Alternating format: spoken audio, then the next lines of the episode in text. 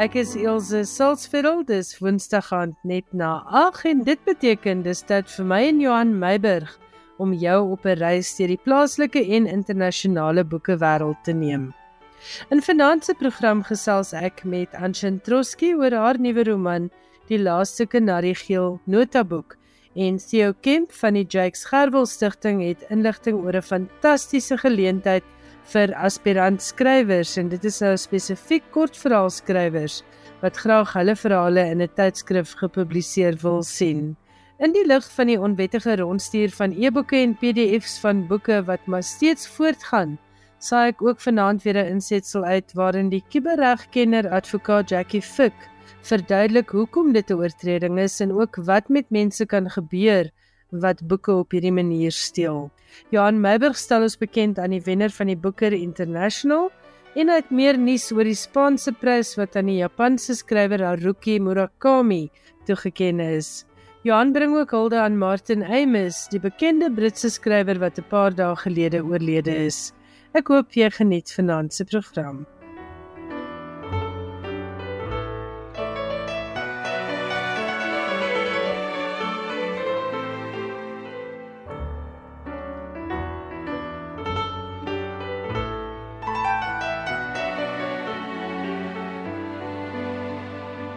Dis alles 'n kwessie van verbeelding. Ons verantwoordelikheid begin by verbeeldingskrag. En die skrywer wat so gesê het, Haruki Murakami, is die onderwerp van Johan Meiburg se eerste insetsel vir vanaand. Die jongste juweel in die kroon van die Japanse skrywer Haruki Murakami is die Prinses van Asturias Letterkundeprys, 'n prys wat deur die Spaanse Koninklike Stichting toegekend word en waarna al verwys is as die Spaanse Nobelprys. Skrywers van reg oor die wêreld kom in aanmerking vir die prys en dis die eerste keer dat 'n Japanse skrywer die prys ontvang.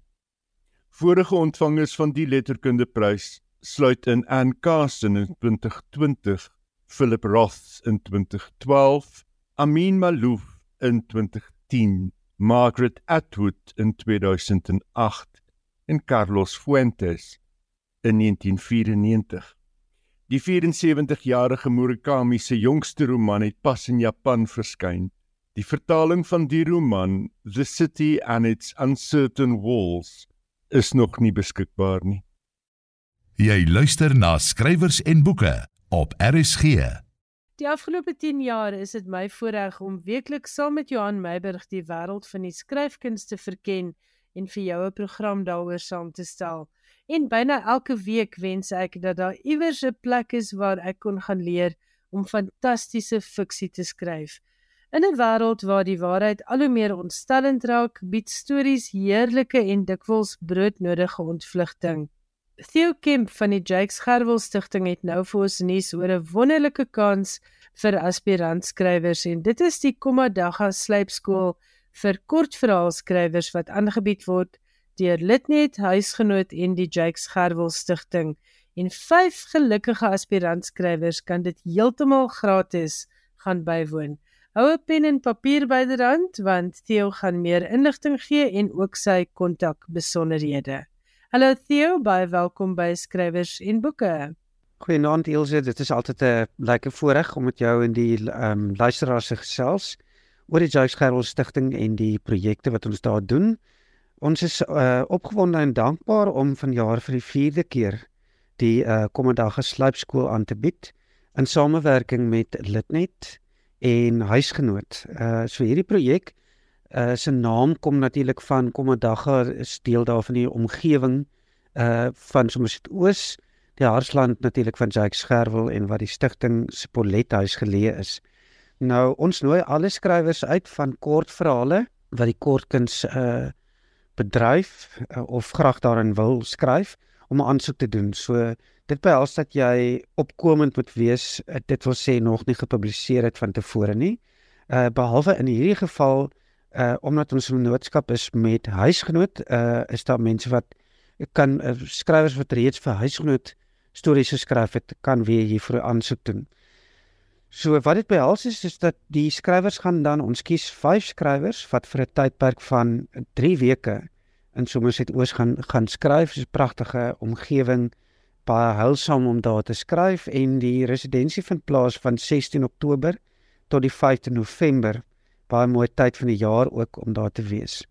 En wat verwag word is dat uh belangstellendes moet vir my teen die 31ste Julie asseblief 'n e-pos stuur na Theo, dis my naam T H E O by jgf.org.za en ek benodig dan 'n kort verhaal van 200 woorde wat in Afrikaans of Engels kan wees en 'n kort CV van die kandidaat wat veral klem lê op die ehm um, skrywers prestasies of uh ambisies van die van die skrywer en dan 'n motiveringsbrief waarin die skrywer duidelik moet maak hoekom hy of sy hierdie geleentheid benodig wat die persoon graag sou wil leer en dis meer. En dan die wonderlike ding van hierdie kursus is ook dat na afloop van die projek onderneem huisgenoot om mits die kortverhale natuurlik goed genoeg is in 'n huisgenoot te publiseer teen betaling. So sodoende kom jou naam in in die baie gewilde tydskrif en gaan daar ook ooplik vir jou ander deure oop. En natuurlik is Litnet daar om ook vir die skrywers 'n verdere platform te bied om vir Litnet bydraes te lewer. Ons is vanjaar baie bevoorreg om vir Forie Botha daar te hê as die aanbieder van die kursus. Uh mense sal hom ken as 'n uh, digter homself. Hy het al twee baie goeie digbundels die lig laat sien en hy was natuurlik ook baie lank uh in die uitgewersbedryf. Hy was onlangs uh nog by Penguin uitgewers betrokke. Hy's 'n fantastiese redakteur, boekredakteur en desa ook literêre agent. So ons is baie baie bly om hom vanjaar vir die eerste keer daar te kan verwelkom. En dan natuurlik het ons ook uh nog 'n aanbieder van die jaar en dit is uh Tabiso Maslape. Nou Tabiso is die eienaar van Blackbird Books, regtig baanbrekende uitgewery wat al baie interessante boeke die lig laat sien het en baie mooi pas by die stigting se missie om ook uh nuwe Afrika stories en verhale ehm um, die lig te laat sien. So as mense belangstel met my asseblief 'n e-pos stuur na theo t h e by jgf.org.za dit staan vir Jake Scherwel Foundation in die Engels vir meer inligting want die kortverhale waarna ons soek is natuurlik eie tydse stories, unieke stories wat iets vertel van die lewe waarin ons leef, van die ervarings van gewone mense met ongewone stories. Maar mense moet ook baie duidelik die die riglyne uh gaan oplees op huisgenoot se webwerf of vir my e-pos stuur sodat ek dit kan aanstuur. Huisgenoot is natuurlik 'n familie tydskrif, so daar is bepaalde reëls waarvolgens uh die verhale ingeskryf moet word. Baie dankie en ek hoop ek kry uh, vele aansoeke uh, vanuit die geleedere van die RSG luisteraars. As jy dink dat jy 'n goeie kandidaat is vir Litnet huisgenoot en die Jakes Gerwel Stichting se Komadaga kortverhaal slypskool, Theo Kemp wag vir jou inskrywing. Stuur vir hom 'n e-pos na theo@jgf.org.za.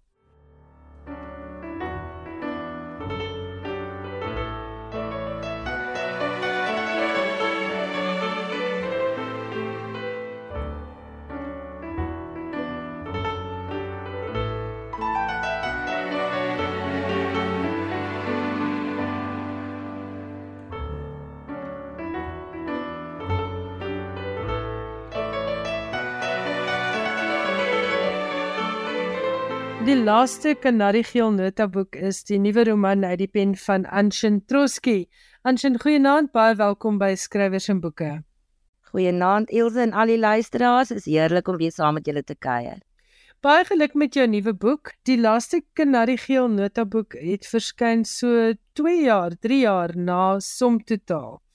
Waaroor gaan dit? Ja, dit is nou nogal 'n moeilike vraag sonder om die hele storie weg te gee gaan dit oor um Mia Stein wat um op 'n baie jong ouderdom afgelaai word in Bloemfontein voor 'n Lucisa sy moet vir haarself nou begin sorg.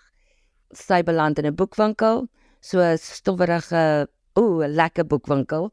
En uh, dis waar sy haar voete vind, waar sy, jy weet, weet wie sy is, wat sy wil doen En um, die res van die storie wil ek nie regtig weggee nie.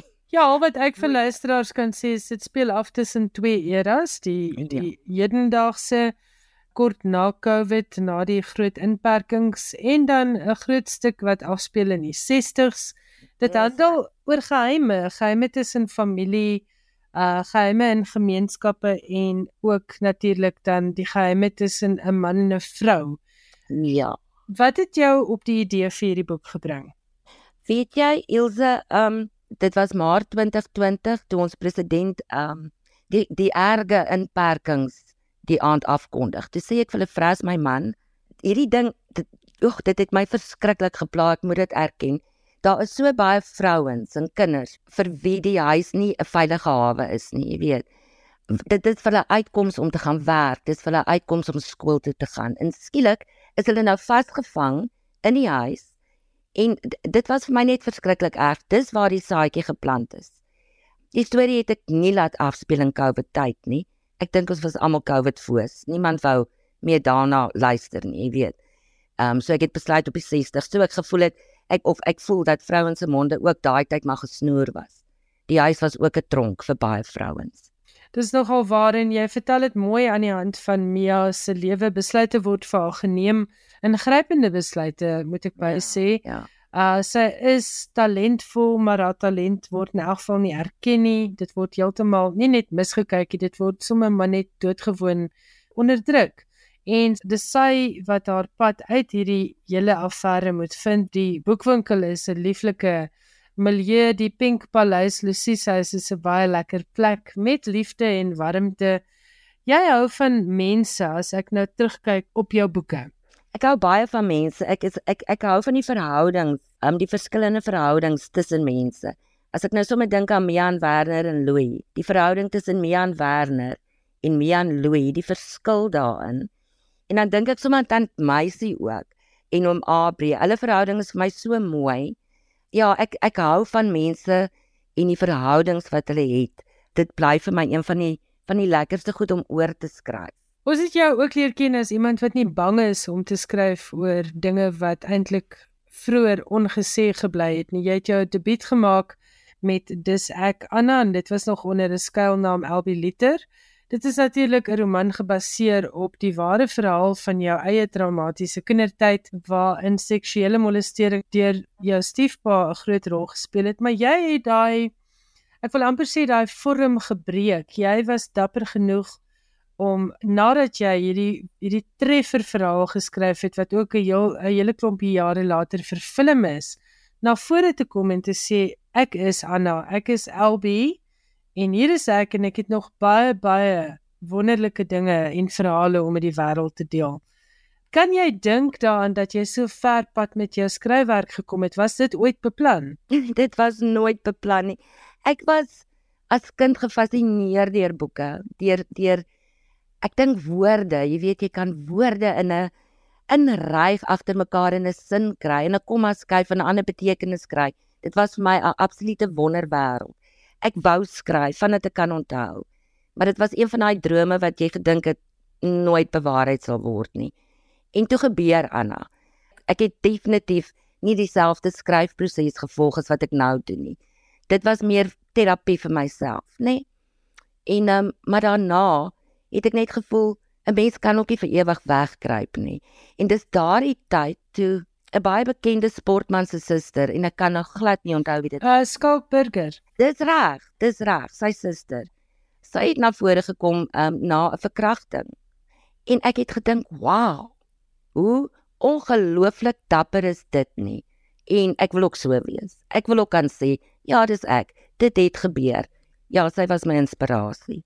Wel ek kan net vir jou sê ek het die boeke gelees, dis ek Anna en die opvolg wat ook later jare uitgegee is in een boek. Wat was die titel daarvan? Die staat teen Anna Brouwer. Die staat teen Anna Brouwer. Ja, Ja. dit is die dis die volle titel. En ek het die film baie jare later gaan kyk en ek dink die mense in die uh, teater, ek het dit nog in Rosebank in Johannesburg gaan kyk, moes gedink het ek was dalk ook 'n slagoffer want ek het so gehuil dat uh, ek kwaliek voor my kon sien toe ek uit daai teater stap. Dit was absoluut aangrypend. Die die storie is een van daai wat ek reken uh op die lys van klassieke Afrikaanse werk hoort. Maar kom ons kom terug na jou ander werk. Jy is, jy het nou genoem van die skryfproses wat verskillend is tussen wat jy ervaar het as skrywer van dis ek Anna en wat jy ervaar met fiksie. Hoe pak jy fiksie aan? Ek doen dit nog al die jare so en ek weet nie hoekom nie. Ek het geen rede om dit so te doen nie.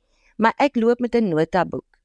Um en ek skryf gedagtes eers daarin neer wanneer ek nou so jy weet die saadjie nou geplant is uh vir 'n storie. En dan wanneer ek voel ek is reg, ek ken my karakters, ek weet waarheen hierdie storie loop. Um dan begin ek skryf, maar ek skryf nog steeds in my notaboek die hele verhaal en dan sal ek gaan sit en ek sal dit oortik. En ek weet dit is 'n baie lang proses en en onnodig dalk, maar vir my werk dit. Dit is maar hoe ek dit dan nou doen. En en snaaks genoeg doen Mia dit ook. Ek Maar wou nou Mia- vir jou vra, is dit is dit 'n bietjie van jou wat daar in Mia se verhaal uitkom? Nie nie regtig nie. Ek dink in Mia se geval is dit eerder, jy weet, die feit dat sy dit geheim moes hou. Sy het nie op 'n rekenaar of 'n skootrekenaar getik nie, so wat wat sag is, nê, nee, die sleutels is mos sag. Sy het op 'n regte ou tikmasjien getik wat vreeslik raas. So sy het geskryf in 'n notaboek sodat sy nie ander steur nie en natuurlik later ook in die huis saam met Louis sodat hy nie weet sy skryf nie. Ja, ja. Ehm um, jou proses van notas neem en in notaboeke skryf. Ek is geïnteresseerd in hoe daai karakters uh in jou kop ontstaan. Ek het so rukkie terug hier op die program gepraat met Estie Fourie. Sy sê sy gebruik 'n tekenbord, daai groot borde met die met die groot papierblaaie om haar karakters 'n bietjie vir haarself um sigbaar te maak. Sy skryf karaktertrekke en gelaatstrekke en sulke goeters daarop neer. Maar gebeur jou hele proses in jou kop? Dit gebeur in my kop, maar ek dra dit tog oor op die noot, jy weet, in die notaboek sodat ek net kan teruggaan en en kan onthou presies hoe dit werk, maar meestal in my kop want ek ek moet hulle kan sien die karakters. Um hulle moet regtig mense word. En mense moet nie begin twyfel waarvan hou hierdie karakter en waarvan hou sy nie wanneer jy skryf nie. Jy moet absoluut weet. Ek voel ek nou maar. En die proses van skryf, uh as jy nou in jou notaboek werk, skryf jy basies die hele verhaal met die hand uit of sal jy nou hooftrekke skryf in jou notaboek en dit dan later oordra op jou rekenaar? Ek is net geïnteresseerd in hoe lank dit jou neem. Dis hoekom ek vra. Ja, dit neem my verskriklik lank want ek ek skryf die hele boek in die notaboek. Elke woord. elke woord. Maar wat lekker is daarvan vir my is wanneer ek dan na my skootrekenaar gaan, dan doen ek sommer redigering ook. So dis amper my my tweede draad. Tweede skryf, ja. ja, ja. ja, En wie is jou eerste leser? my uitgewer. O, goed. So daar's nie 'n spesiale persoon Nee, nee, nee. soos jou kind of jou man by wie jy 'n klankbord vind nie. Nee, nee, ek stuur dit vir haar en ehm um, sy sy's die een wat dit dan lees. Anshin, hoe 'n groot rol speel lees in jou lewe as skrywer? Ons het Oh. voor ons op die lig gekom het gepraat daaroor dat 'n mens moet lees as jy wil skryf. Ja, definitief. Ek is gek oor lees. Ek sien myself eerstens as 'n leser en dan as 'n skrywer. Ek is absoluut ek ek is mal oor lees. Daar gaan nie 'n dag verby wanneer ek nie lees nie. En ek lees so twee boeke. Ek noem 'n dag. eh, Nie nie ek voltooi nie twee boeke 'n dag nie. Ek lees aan twee boeke 'n dag, kom ek sê so. Ek ehm um, is op die audiobooks, so ek luister een wat miskien nou nie tegnies lees is nie en dan lees ek 'n fisiese boek ook. Miskien kan ons 'n nuwe woord uitdink vir die luister van audioboeke en ek dink iets soos uh, verslind is 'n goeie woord. Ja, So, uh, waaraan werk jy op die oomblik of het jy nou eers 'n breek gevat na die laaste kanarie geel notaboek? ek het nou regtig geglo dat ek besig is om 'n breek te vat, maar ek het reeds daar's nou reeds 'n saadjie geplant en ek ek loop nou maar en oordink dit. Ek het nog nie in die notaboek begin skryf nie. So, um, ek het nog nie so ver gevorder nie, maar ek ek het reeds reeds iets waaraan ek wil werk. En so sê Anshin Troski, ons het gesels oor die laaste kanarie geel notaboek en dit is die verhaal van Mia Stein wat in die 60s afspeel en die verhaal van Mia se dogters wat nou in die hede afspeel. Anshin baie dankie vir 'n lekker boek en lekker skryf aan die volgende een. Baie dankie Ilse.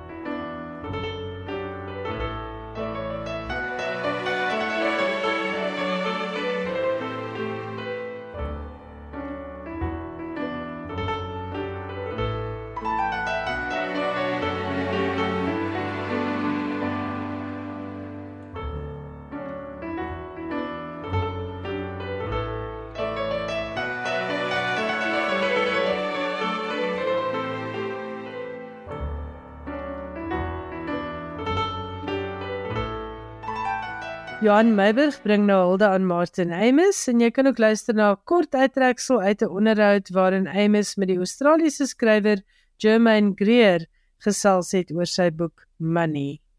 Martin Amis, die Engelse skrywer wat lank in die FSA gewoon het, is onlangs in Florida dood. Hy was 73. Amos was die seun van die gesiene skrywer Kingsley Amos wat met sy debuutroman Lucky Jim in 1954 die Somerset Maugham Prys en in 1986 die Booker Prys met The Old Devils verower het. Die verhouding tussen die twee skrywers, pa en seun, was nie altyd sonder spanning nie. En Kingsley Amos het geen belangstelling in sy seun se skryfwerk getoon nie. In 'n radio-onderhoud het Martin Amos by geleentheid opgemerk dat hy spyt is dat hy nie 'n groter afstand tussen hom in sy pa bewerkstellig het nie en dat die Amos franchise soos hy daarna verwys het soms iets van 'n beslommernis was.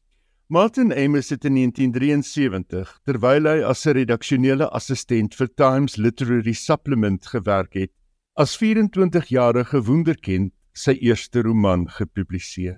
The Rachel Papers, 'n boek waarmee hy die volgende jaar toe ook die Somerset Maugham Prys verower het. Dit was egter Money, sy vyfde roman van 1984, waarmee Amos vir homself 'n plek in die internasionale letterkunde oopgeskryf het. Die Britse Guardian het die roman as een van die 100 beste romans in Engels uitgesonder en beskryf as 'n boek wat vir al die tydgees van die 80s so netjies vasgevang het. 'n Boek waarin Amos met humor sy skalkse blik gee op glanspersoonlikhede en waarin hy steun op sy ervaring as draaiboekskrywer van Saturn 3, 'n rolprent met Kirk Douglas, Farrah Fawcett en Harvey Keitel in die rolverdeling. In 1983 het Granta 'n lys van die beste jong Britse romanskrywers saamgestel en Martin Amis het onder andere saam met Salman Rushdie, Ian McEwan en Julian Barnes 'n plek op die lys ingeneem. Hoewel Amos nie so sy pa die Booker-prys verower het nie, was Times Arrow van 1991 op die kortlys van die prys wat daardie jaar verower is deur Ben Okri met The Famished Road. Amos se laaste boek was Inside Story, 'n autobiografie in romanvorm waarin hy onder meer skryf oor sy vriende Christopher Hitchens, Saul Bellow en Philip Larkin. Hier is Martin Amos, iewers in die 1980s, in gesprek met Germaine Greer oor Money, die roman wat in 84 verskyn het. I, in common with many writers, I think, feel that there is a, and this may be again just something that every writer feels in every generation, that there's a, a great convulsion of stupidity happening in the world, mostly to do with television. People know a little about a lot and, and put very little effort into accumulating knowledge and culture. And when they do, it's almost like a sort of consumerism of culture. If this is happening, then perhaps what I'm trying to do in that book is to write, write as interestingly and as, as you say, with as much literary effect as possible about a landscape in which there is no literature or culture. Um, he but comes I... across it, he, he, encounters culture in various forms, in art galleries and opera houses.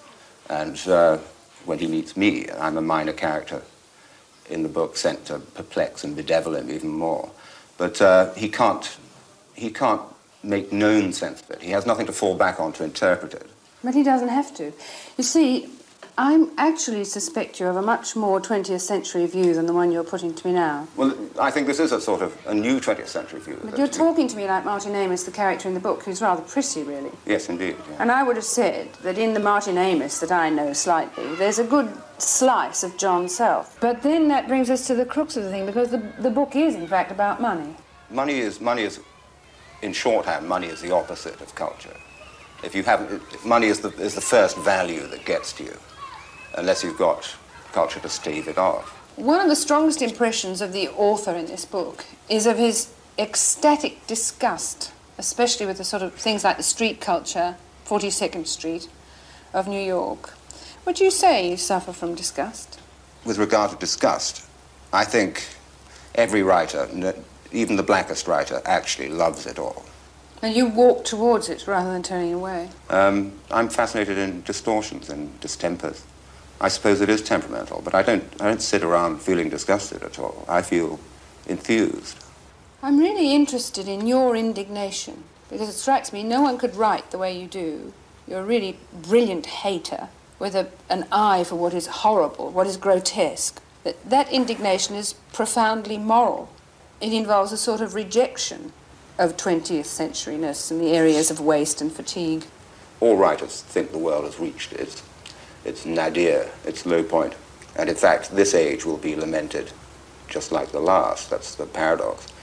What you can say about the world is that while it may not be getting any better, it's getting, it's getting infinitely less in- innocent all the time. It's like, you know, it's been to so many parties, it's been on so many dates, had so many fights, got its handbag stolen so many times. So the accumulation is what makes the world seem at its worst always. Because it's never been, it's never been through as much as it's been through today, the earth. Dit was Martin Amos en Jermaine Greer. Baie dankie Johan Meiberg. Jy luister na skrywers en boeke, jou belangrikste bron oor Afrikaanse boeke. Die afgelope byna 3 weke gons dit behoorlik oor die boek wat Andrei de Ruyter geskryf het waarin hy die omvang van korrupsie by Eskom blootlê. Maar iets wat eweveel opslaa in die media gemaak het, is die spoed waarteen onwettige elektroniese kopieë en PDF weergawe van hierdie boek op sosiale media en WhatsApp groepe versprei is.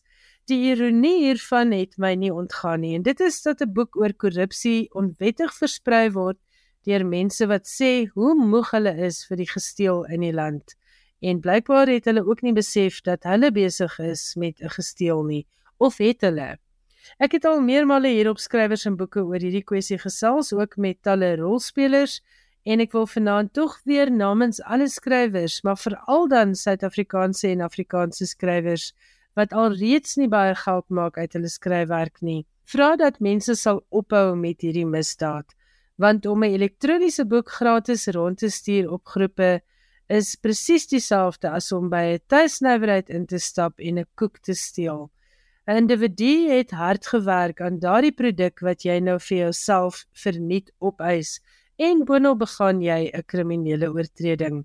Hier is 'n insetsel wat ek verlede jaar vir Op en Wakker saamgestel het waarin ek gesels het met advokaat Jackie Fick, 'n kubermisdaadkenner.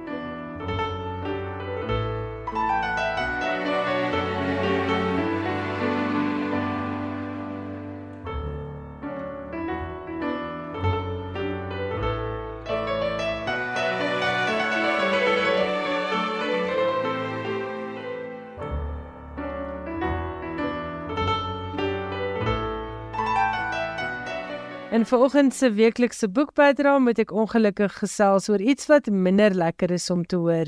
En dit is hoe boeke gesteel word. Nee, nie instap by 'n boekwinkel en dit van die rak af vat nie, maar op WhatsApp groepe, op Telegram groepe en op sosiale media oor die algemeen. Iemand vra ek soek na die nuutste boek deur sê nou maar Dion Meyer en iemand anders sê wag wag ek het dit vir jou hier is 'n gratis PDF of e-boek. Ongelukkig is die mense wat boeke op daardie manier verkry besig met 'n misdaad. En om meer uit te vind hieroor en ook hoe strafbaar hierdie tipe oortredinge is, gesels ek nou met advokaat Jackie Fick. Sy is 'n kubermisdaadkenner wat onder andere gehelp het om kubermisdaadwetgewing op te stel. Goeiemôre advokaat Fick. Kan ons praat oor watter wette hier alles oortree word? In die eerste plek moet ons begin en kyk na outeursreg. So jy het 'n boek gepubliseer, as jy dit op 'n in 'n boekwinkel sou verkoop, sou 'n persoon daarvoor geld moes betaal. Nou die aflaai van daardie boek, die oomblik as daai aflaai is in 'n forum wat jy goed voor die heilige siel wil wees, jy eintlik voor moes betaal het, dan begin ons kyk na kriminele oortredings. En wat ons vind met hierdie stuur van boeke op WhatsApp groepe ensovoorts dit is 'n kopie wat aangestuur word onder mense wat nie lus is om vir die oorspronklike boek te betaal nie. So enige iets wat neerkom op 'n boek wat jy ontvang, wat jy weet jy eintlik in 'n boekwinkel of op 'n aanlyn platform sou geld voor betaal het, is jy besig om in die veld van kriminele oortredings in te beweeg. En die gevolg daarvan is is dat die regte outeur of die maatskappy wat geld sou ingesamel daarvoor nie hulle geld kry nie. Nou boonbehalwe oortredings van die outeurswet, het ons op die wet op kubermisdade het ons nuwe oortredings wat ook hierdie goed gaan vasvat. En daar verwys ek spesifiek na artikel 12 wat gaan oor diefstal. Voor 1 Desember verlede jaar was die diefstal van onliggaamlike eiendom, soos dit wat ons in elektroniese formaat nou op die internet kry, nie ek kon nie 'n saak by die polisie vir diefstal daarvoor oopmaak nie. Nou kan ek. So al hierdie goed wat die ouens gaan aflaai en dit kom neer eintlik op in aanhalingstekens die steel van 'n boek kan jou strafregtelik in die eerste plek aanspreeklik hou en ek kan 'n saak teen jou gaan oopmaak by die polisie vir diefstal. Dit is nou boonbehalwe enige oortredings wat jy byvoorbeeld onder die outeurswet het of onder die wet op films en publikasies. So 'n baie belangrike ding wat nou gebeur het in ons reg is daardie diefstal van 'n onliggaamlike eiendom. So daardie boeke, as ons gaan kyk na 'n boek wat in elektroniese formaat is, dit sal dan wel onder die definisie van data val onder die onder die kubermisdaad en definitief gaan mense probleme kry en kan van hierdie goederes op diefstal neerkom. Sou jy skuldig bevind word, wat is die moontlike strawwe? Daar is natuurlik verskillende strawwe Elsje en dit sal afhang van onder watter wet jy skuldig bevind word. Maar as ons kyk na van hierdie wetgewing, dit is enige iets tussen 'n uh, boete en 'n gevangenisstraf van die gevangenisstraf vir eerste oortreding kan soveel as 3 jaar wees. Tweede oortredings kan jou um, tot 5 jaar gevangenisstraf kry. En as dit gaan oor oortredings onder die kiber misdaad, kyk ons na enige tipe straf wat binne die bevoegdheid van daai spesifieke hof um val. So boonbehalwe boetes of 'n gevangenisstraf kan jy ook beide opgelê word. So dit is dit is nogal redelike stywe vonnisse waarna ons hier kyk. Jackie, wat my opval van hierdie groepe is dat mense dit nie as misdaad beskou nie. Tydens die streng inperking veral het mense vir mekaar gesê, weet jy, jy doen werklik die Here se werk. Jy red my nou hier uit depressie en so. 'n Ander verskoning wat 'n mens baie keer daar sien is, jammer, ek kan nie boeke bekostig nie en skrywers moet net die boeke goedkoper maak of die ander een wat my altyd stom slaan is Skrywers behoort maar net te bly te wees dat ons nog hulle boeke lees. Al kry die arme skrywer nou nie 'n dooie sent daar uit nie. Hierdie mense is ook baie slim. Hulle sê vir mekaar selfs op hierdie groepe hoe om hulle elektroniese spoor te bedek en dan sê hulle vir mekaar byvoorbeeld ook om skuilname en dinge te gebruik. Maar jy is 'n kuberkenner. Jy het ook vir 'n selfoonmaatskappy gewerk en gehelp om kubermisdade op te los. Is daar so ding soos 'n spoorlose misdaad op die internet? Elsje nie daar is nie. Dit gaan oor watter getuienis 'n mens wel kan opspoor en net soos wat ons 'n misdaad en 'n misdaad spoor en getuienis in die regte wêreld kry, is daar spore wat mense in die kuberwêreld los baie ouens gaan en hulle dink dit is um wat ons IP spoofing noem, um jou IP adres om dit weg te steek om 'n ander e-posadres as die een wat jy gewoonlik gebruik aan te doen. In die meeste van die gevalle as daar 'n kuberkenner is wat hierdie tipe ondersoeke doen, ons kan dit na die oorsprong toe gaan opspoor, maar dit hang natuurlik af van die wat ons noem in Engels die level of deception Maar die meeste van hierdie ouens besef nie dat 'n gewone en 'n goeie digitale forensiese ondersoek wel jou spore in die kuberruimte sal kan naspoor. So kan ons hulle kry? Ja, ons kan. En ek weet ook wat hierdie verspreiding boonbehalwe dat dit nou diefstal is, maar die tipe kuberoortredings en die hoeveelheid skade wat die verspreiding van hierdie onregmatig bekomde boeke aan ons Suid-Afrikaanse ekonomie doen, gaan regtig op ons noodsaak om 'n baie baie gedetailleerde ondersoek na hierdie sake op te stel. Dit is nie net boeke nie, dit is CD's, dit is films. Um en 'n klomp ander goed, selfs videospeletjies. 'n Ander groot ding is rekenaarprogramme. Wat jy ook vir my sê is die wet het verander en dinge gaan van nou heeltemal anders uitsien as dit kom by die vervolging van hierdie misdade. Definitief die wet op kubermisdade skep vir ons 'n hele arsenaal van nuwe wapens om te gebruik in hierdie geveg en nou spesifiek vir jou luisteraars in hierdie geveg teen die verspreiding van boeke. En ek sê altyd as 'n mens nou wonder en 'n mens het hierdie benadering van weet jy ek wil graag hierdie boek lees want dit gaan my goed doen maar ag die boek is te duur. Ek vra daardie mense om hulle self in die skrywer se skoene te sit en te dink hoe dit sal voel as iemand jou ontneem van jou inkomste Dit is so goed as wat ek vir iemand sê wat byvoorbeeld 'n gewone pos klee en ek sê vir jou, "Hm, eintlik word jy 'n bietjie te veel betaal, daarom gaan ek jou dienste gratis gebruik en jy moet maar daarmee versoen." En skrywers bied 'n produk teen 'n betaling. Dit is hulle werk. Dit is hulle lewensinkomste. En hoe sou jy gevoel het as iemand jou werk, die werk wat jy elke dag doen, aandring daarop dat jy dit eintlik vir nie doen? Dit was advokaat Jackie Fick en sy is 'n kubermisdaadkenner. Baie dankie aan alle RSG luisteraars wat nog steeds boeke koop en op daardie manier die boekbedryf ondersteun en aan die wat na vanoggend se gesprek stof tot nadenke het. Asseblief mense, hou op om boeke gratis rond te stuur en te deel.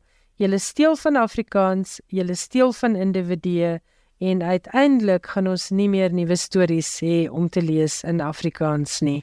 Jy het geluister na 'n insetsel wat in 2022 in Op en Wakker uitgesaai is. En hoewel ek daar van Afrikaanse boeke praat, geld dieselfde beginsel natuurlik vir alle boeke. Weereens ook baie baie dankie vir almal wat skrywers met rand en sent ondersteun. Skrywers en boeke. Alles wat jy oor die boekewêreld wil weet en meer. In Johan Meiburg se laaste insetsel vir vanaand stel hy ons voor aan die Bulgaarse skrywer wat verlede week met die Booker International bekroon is.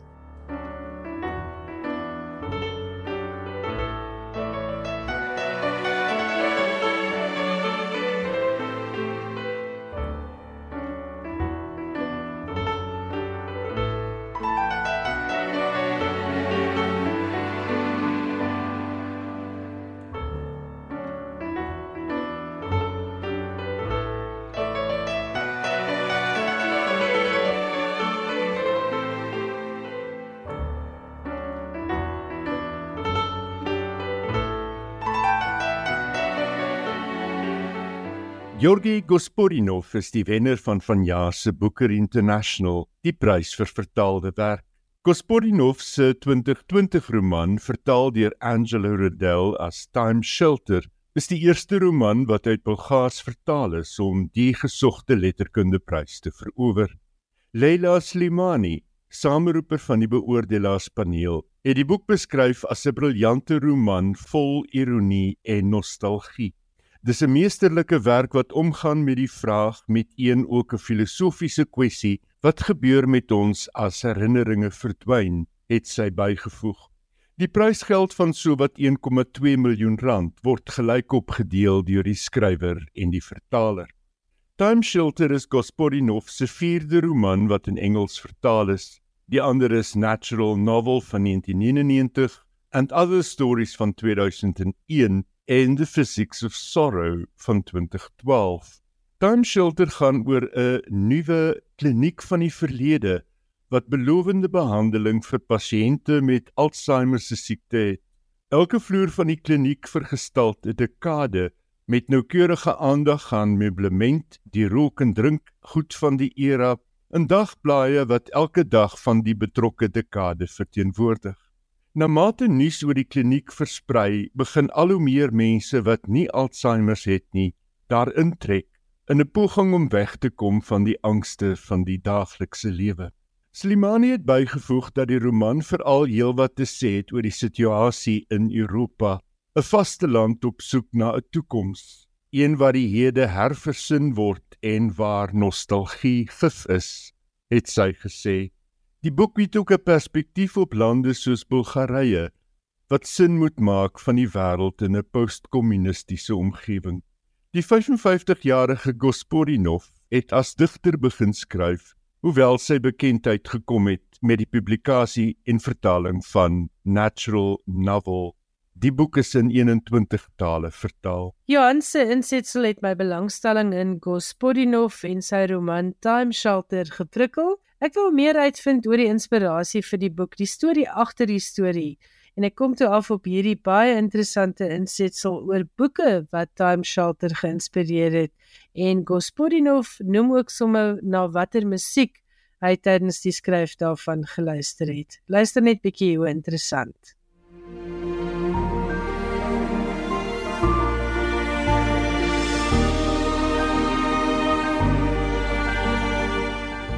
When I wrote Time Shelter, uh, one of the books that were near to me was The Magic Mountain uh, by Thomas Mann, of course, because when you write book about uh, time, you need a Magic Mountain, you need a Thomas Mann book, and uh, also because it's a book about memory, and of course Marcel Proust and uh, In Search of Lost Time was very important book to me, but also I could say some poems and some poets were very important, like uh, W. H. Auden with the famous poem September 1st. It, this poem plays a key role in the novel. And also, uh, you could make uh, something like Time Shelter playlist. Some songs were very important because it's a novel about memory, and we know that songs are very important. They unlock our memory. So songs like uh, Hotel California by Eagles, or many songs uh, by Beatles, uh, and uh, Alabama song by Doors was very important. By the way, this is a song written by Kurt Weill and Bertolt Brecht. So the, the whole story of the song is into the novel. This was the playlist with the books and uh, songs for my novel that were important for me.